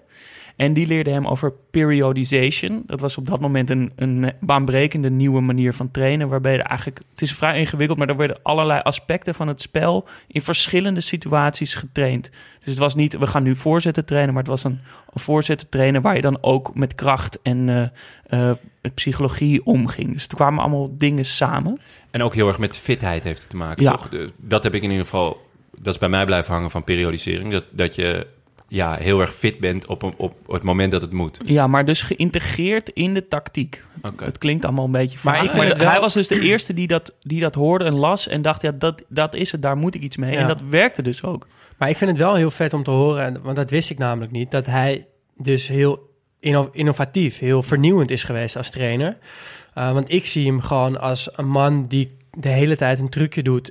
En dat trucje werkte in het begin van zijn carrière heel goed. En eigenlijk al heel veel jaar helemaal niet meer goed. Nou, dat Maar- ben ik dus eh, zeker sinds het zien van die docu dus helemaal niet mee eens. Hij, hij is juist heel toegepast op wat die club op dat moment vraagt en wat voor een team het is. En dat vond ik ook zo mooi aan wat hij bij Porto doet. Is hij wordt aangesteld en Porto is een, eh, een arbeidersstart. Is dus eh, een ploeg die het moet, waar de fans houden van passie en werklust. En hij is dus gaan kijken, oké, ja, eh, klopt dit team wel bij die passie en werklust die de fans willen zien? Want die, ze verloren alles. Die fans waren niet blij, die bleven weg uit het stadion. Dus hij dacht, ik moet die fans ook weer terug. Dus hij is toen, in plaats van dat hij spelers is gaan kopen, eh, ja, goede spelers met een budget, is hij heel veel spelers gaan kopen in lagere regionen. Eh, spelers die, daar komt het weer, dat psychologische profiel hebben die bij die club pasten. En zo kwam er weer een soort geloof bij de fans van ja, hiermee kunnen we ons identificeren. En die, die, het stadion liep weer vol, die fans gingen erachter staan en dat versterkte elkaar. Dat, het team werd daardoor beter. En uiteindelijk hebben ze met Porto in twee jaar in alle competities, Europa, eh, dus Europa League, Champions League, beker en competitie, geen één wedstrijd verloren thuis. Wauw. Nou, Ja, Ja, dat is wel heel echt he- heel indrukwekkend. En ik wist het ook niet. Dat Ik het, ook niet. Dat het zo'n zo'n eh, hegemo- hegemonie was toen hij daar zat. Ja, en is, is het misschien... he- heeft hij misschien een voordeel dat hij niet de ballast heeft van een oud profvoetballer zijn? Ik bedoel, de, innovatief... Hij, hij was vertaler of zo, toch? Ja, bij, Barcelona. wel. En toen werd hij... Nou, ja, hij- af en toe hij- gaf, hij, gaf hij zijn mening en dat, dat pakte goed uit.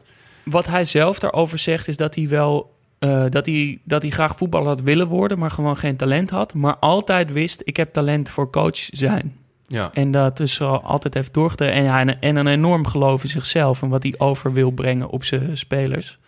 En hij, natuurlijk, hij wil natuurlijk eh, winnen. Ten koste wat het kost. Hij zegt ook, ik haat vriendschappelijke wedstrijden. Daar kan ik niks mee. Ik wil gewoon winnen. Wat een, wat een onzin. En met winnen heb je, heb je geen aardige jongens nodig. Eh, en dat bewees hij dus Oké, ook. maar hoe, en hoe verklaren we het dan dat hij het heel goed heeft gedaan tot en met Real? En daarna is het toch eigenlijk wel... Was, dan, was het dan misschien de truc of de koek gewoon op? Of was de truc Nou ja, het Of- zou natuurlijk kunnen dat zijn manier van werken ehm, een beetje ingehaald is door andere manieren van werken. En dat hij verzuimd heeft om wat hij in het begin van zijn carrière dus wel deed, dat vernieuwende en dat innoverende, dat hij verzuimd heeft om dat nog een keer te gaan doen. Ja. Want inmiddels is hij natuurlijk al heel lang trainer. Ja. En nu ik, nou ja, erin gedoken ben in dit seizoen van Porto, dat is eigenlijk de Mourinho zoals we hem nog steeds wel kennen. Ik denk ook dat hij dat eigenlijk alleen bij Inter daarna nog echt heeft... Een Nou, team heeft... Real heeft hij- bij Real Nou ja, oké, hij gewoon 100 maar, maar zo'n team dat past bij die club. En dat Ja. alles samenviel en dat die, die spelers zo'n ontzettend hecht team werden. Dat, bij Ja, Real nou is dat ja. denk ik ook moeilijker. Ja, ja. Ja want dat, dat vind ik altijd eh, bijzonder. Ik, ik was eigenlijk altijd wel fan, ook omdat hij natuurlijk vrij uitgesproken is. Het is, het is nooit saai met hem.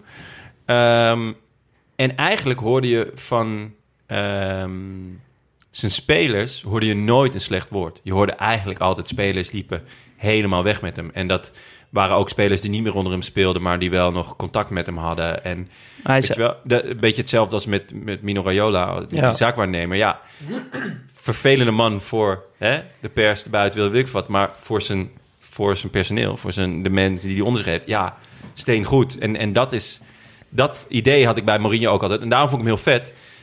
Totdat hij voor de tweede keer naar Chelsea ging. Toen kreeg hij ook gewoon mot met die spelers. Bij Ja. Real Madrid begon dat al een beetje.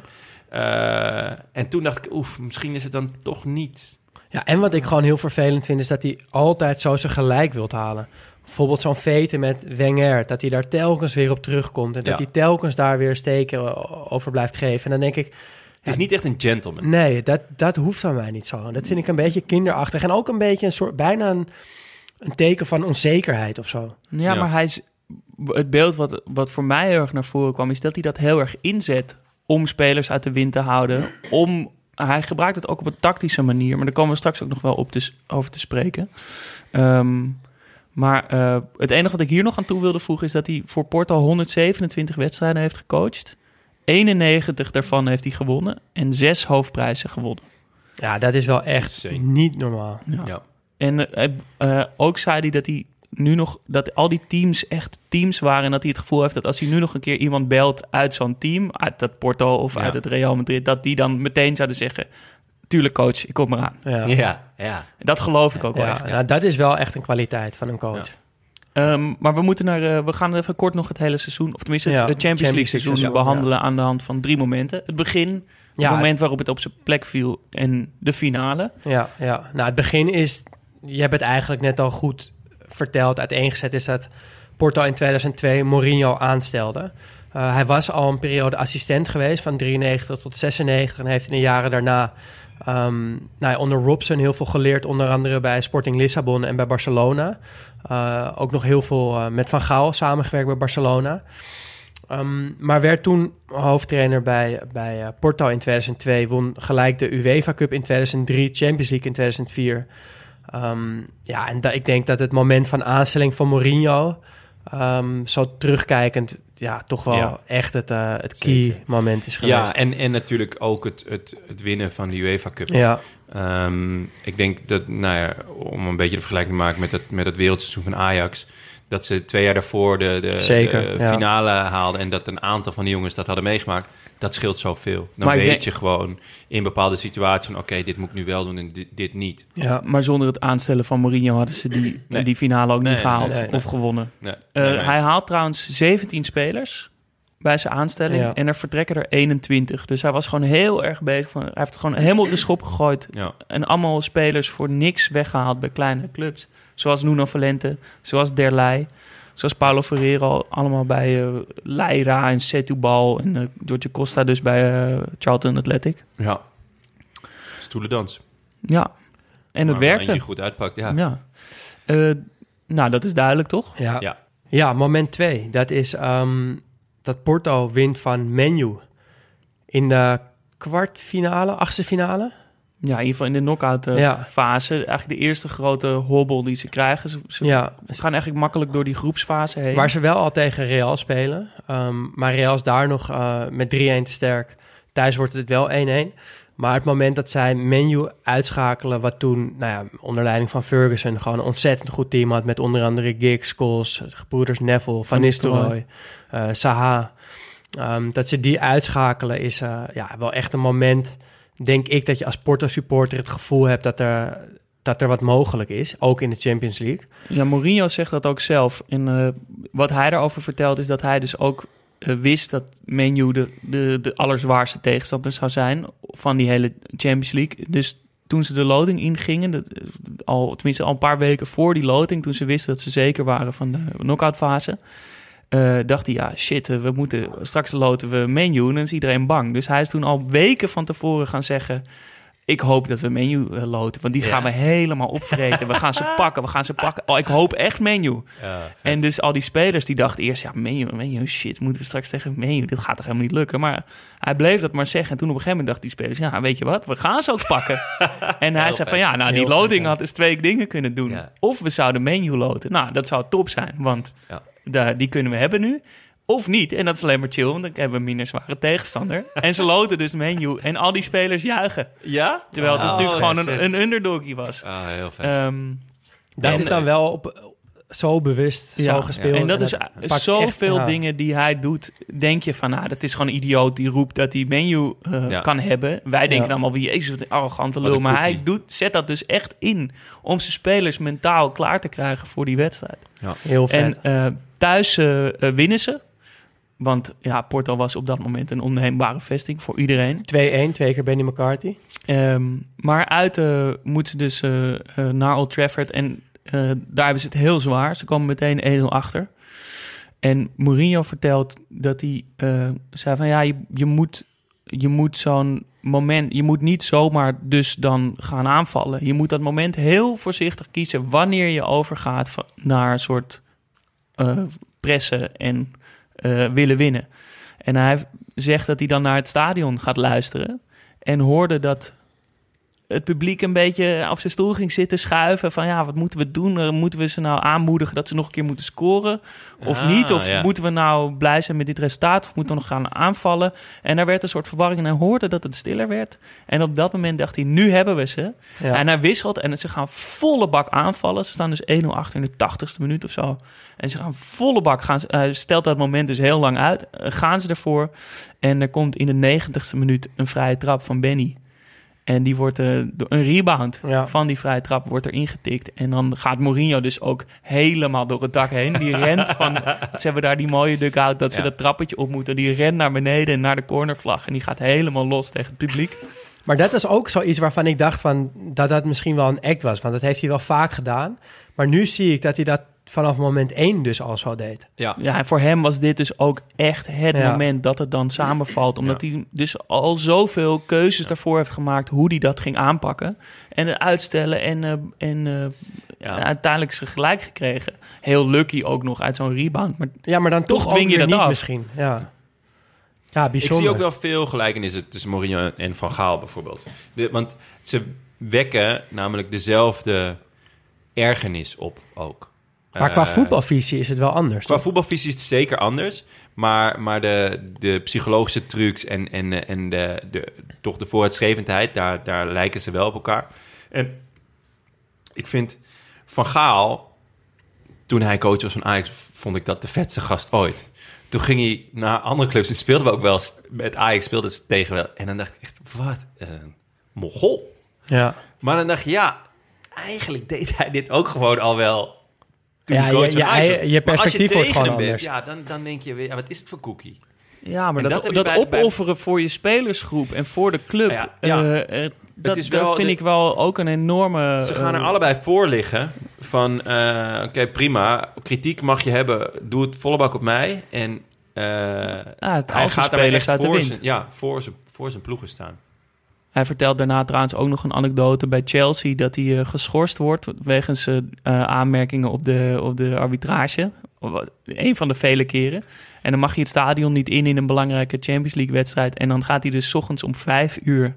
sneakt hij het, het stadion in en verstopt hij zich de hele wedstrijd in een wasmand met een doos erop zit hij dus eh, twee uur lang of zo in, helemaal opgevouwen in een mand om in de rust bij zijn spelers te kunnen zijn.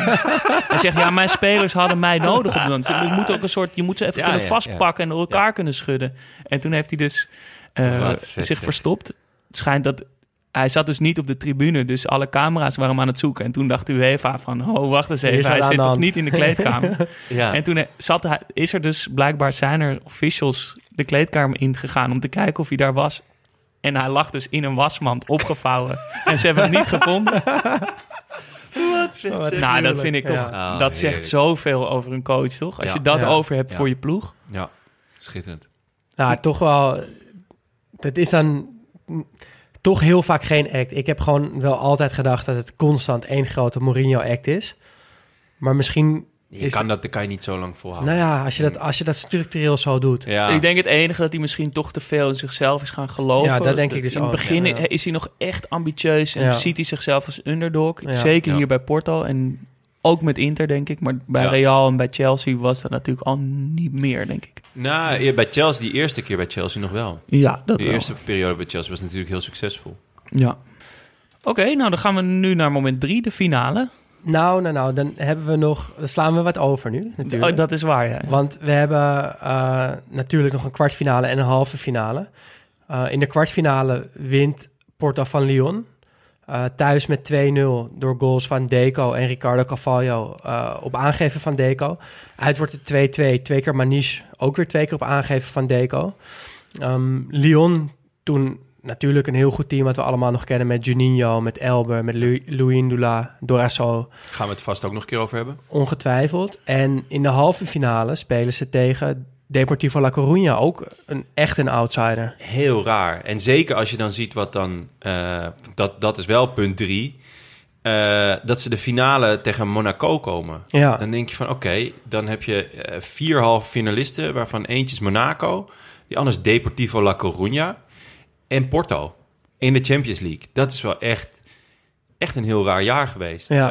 Ehm, Ja, maar waarmee we niet het succes van Porto moeten bagatelliseren. Want Nee. ik denk dat die op, in dat jaar van iedereen hadden gewonnen. Nee, zeker. Dat, dat is ook zo en dat is ook heel vet. Ehm, maar eh, zowel Depor als Monaco zou, zou ook eh, een team zijn dat wij zouden kunnen bespreken in, dit, eh, in deze podcast. Omdat het toch ook de underdog teams zijn. eh, Zeker. Die Ja. ook ehm, ja, toch het grote geld een beetje eh, verslaan. Hoewel bij Monaco is dat altijd een beetje de vraag. Die zijn één keer in de 15 jaar ineens debiel goed. Hebben ze Eh, opeens alleen maar wereldspelers? Ja, en Mbappé bijvoorbeeld, hè? Hè? Ja, dat Mbappé. was al een Ja, Ja, bijvoorbeeld. Ja, ja. die is dan Bernardo Silva toen. Ja, die is dan toch voor veel geld hebben gekocht, maar toch achteraf ook weer niet heel veel geld als je ziet hoe goed Ja. ze zijn. En wie was de vierde? Was dat Chelsea?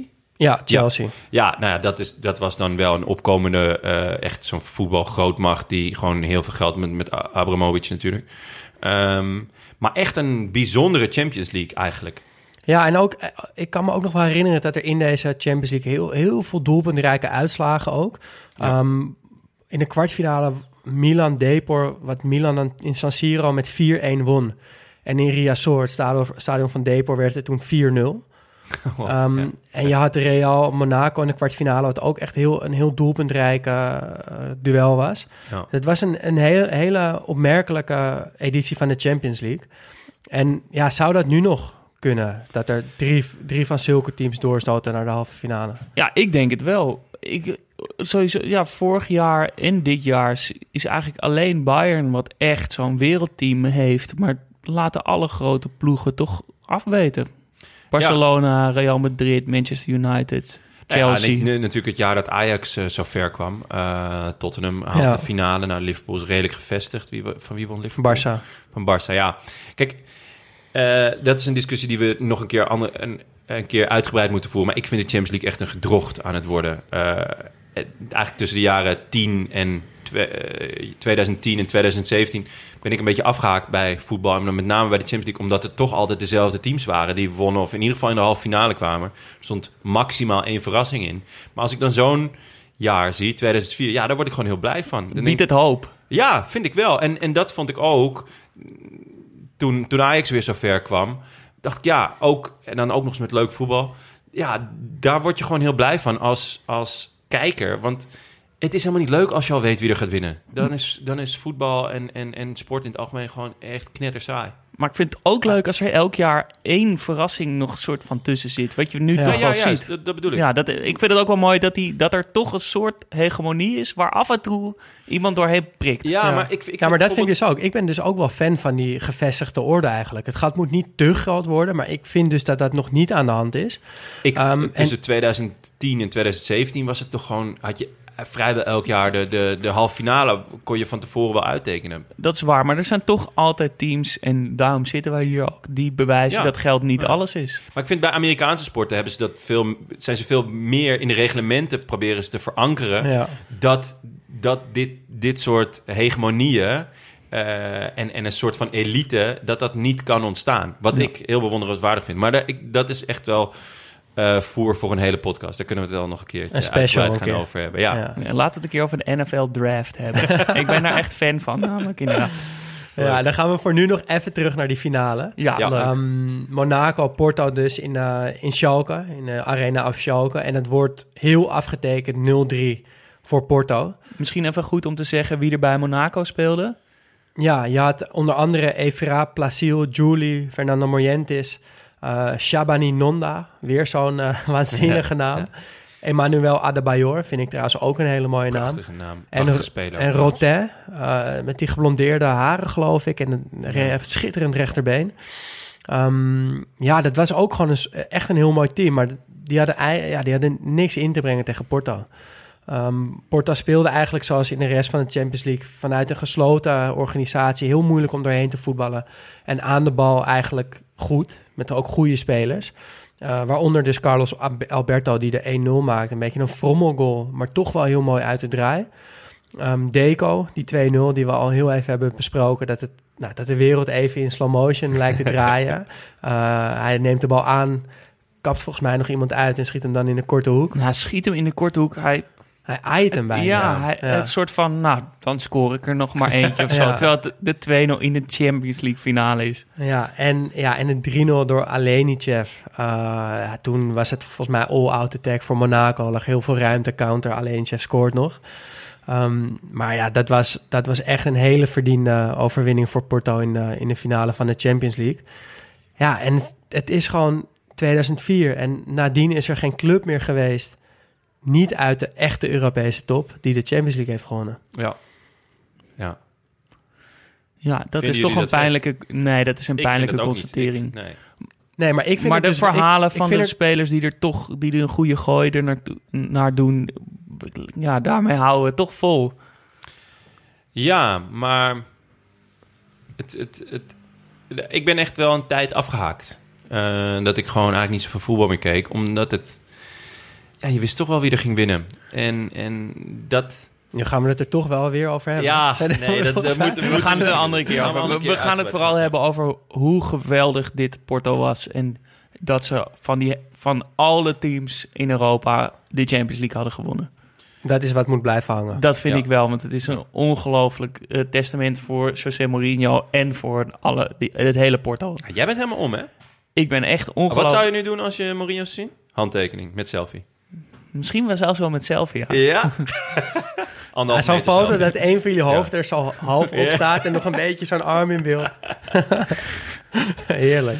Lekker man. Ja, De mooi. George Clooney van het voetbal. Eh, Monaco trouwens eh, de enige club in Europa die eh, niet of nauwelijks last heeft van de coronacrisis. Oh. Ja, er zat toch al niemand op het, sta- op, eh, in Nee. het stadion. Dus dat, eh, dat scheelt. En in dat waanzinnige stadion van ze. Ja, dat heel ruimteschip. raar. Heel raar club. Dan laten we nog heel het afronden met, ja, we noemen het de erfenis, maar wat, wat kunnen we nog, wat zijn de lessen die we hiervan mee kunnen nemen? Ja, de lessen, of het is meer hoop. Ja, hoop dat je het als, mogelijk als is. kleine club met een goed beleid en vooral een heel goede trainer... eh, dat je, dat je gewoon echt ver kan komen. Ik denk, ik denk dat, dat, dat, dat we daar gewoon op moeten hopen. Mooie laatste. Het kan gewoon nog. Ja. Hou Nou, hoop. Daarmee sluiten we hem, eh, sluiten we hem af, toch? Ja, Ja, zeker. Ehm, maar niet voor dat, hè? ja, niet voor dat. Eh, een aantal huishoudelijke mededelingen. Namelijk volgende week stellen we onszelf weer een vraag. En dat wordt ditmaal de vraag wie onze favoriete voetbalcommentator, analist, journalist, presentator is. Ja, mag op tv, schrijvend, radio, podcast. Dus, hè, ik wil geen inschrijven, maar... Alles mogen- mag. Maar mogen wel noemen. voetbal. Ja, jullie mogen Ja. noemen. Eh, eh, dus reageer daar vooral op bij Vrienden van de Show. eh, Ja, we, we vriend van de zetten Show een, kan eh, het. zetten een documentje online op Vriend van de Show. Dus word Vriend van de Show, dan kan je reageren op deze vraag. Eh, en dan kunnen, we, kunnen wij dat weer bespreken in de volgende aflevering. Ja. Ja. En een kleine shout-out al, want we hebben al vier vrienden van de show. Ja. Ja. dat is fijn. Eh, Ridder Schwabin. Ridder Schwabin. Ridder Ja. Schwabin, die Nou. is vriend van onze show. Daar zijn we heel blij Ja, mee. heel vet. Net als eh, Daan van der Driest, De tovenaar. De tovenaar. Ja, er staan wat nicknames bij, vond ik opvallend. Maar leuk. Oscar van der Wielen, Dankjewel. dankjewel. En Mark School. Ja, Daar zijn boy. we echt heel blij mee. Eh, dat helpt ons deze podcast te maken. Zeker. Ja, dus schroom niet om naar Vriend van de Show slash Studio Socrates te gaan. En eh je bij ons dit te lijstje te supporten. voegen. Ja. En dan krijg je ook een shout-out volgende week. Eh, u luisterde naar Studio Socrates, gepresenteerd door Daan Sutorius, Jonne Seriese en mezelf, Jasper Gottlieb. Vond je het leuk? Abonneer je dan en laat een review achter, zodat we makkelijker te vinden zijn. En heb je een vraag of een verbetering of een antwoord dus op onze vraag van de week? Eh, stuur dan een berichtje naar vriendvandeshow.nl slash Studio Socrates of slide in onze DM, studio-socrates. Op Instagram is dat. Tot volgende week. Tot volgende week. Ja, tot volgende week.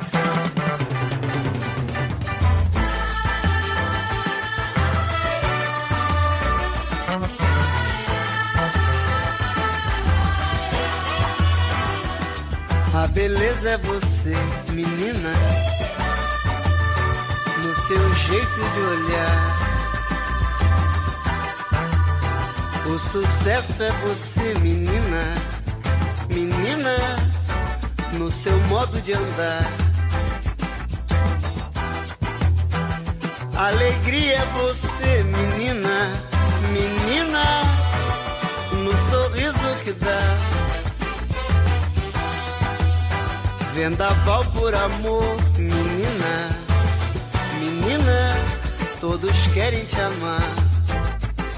Ei, vento, vento, vento no mar, te segura no balanço pro vento não te levar. Ei, vento, vento, vento no mar, te segura no balanço pro vento não te levar. Vento, vento, vento no mar, te segura no balanço pro vento não te levar.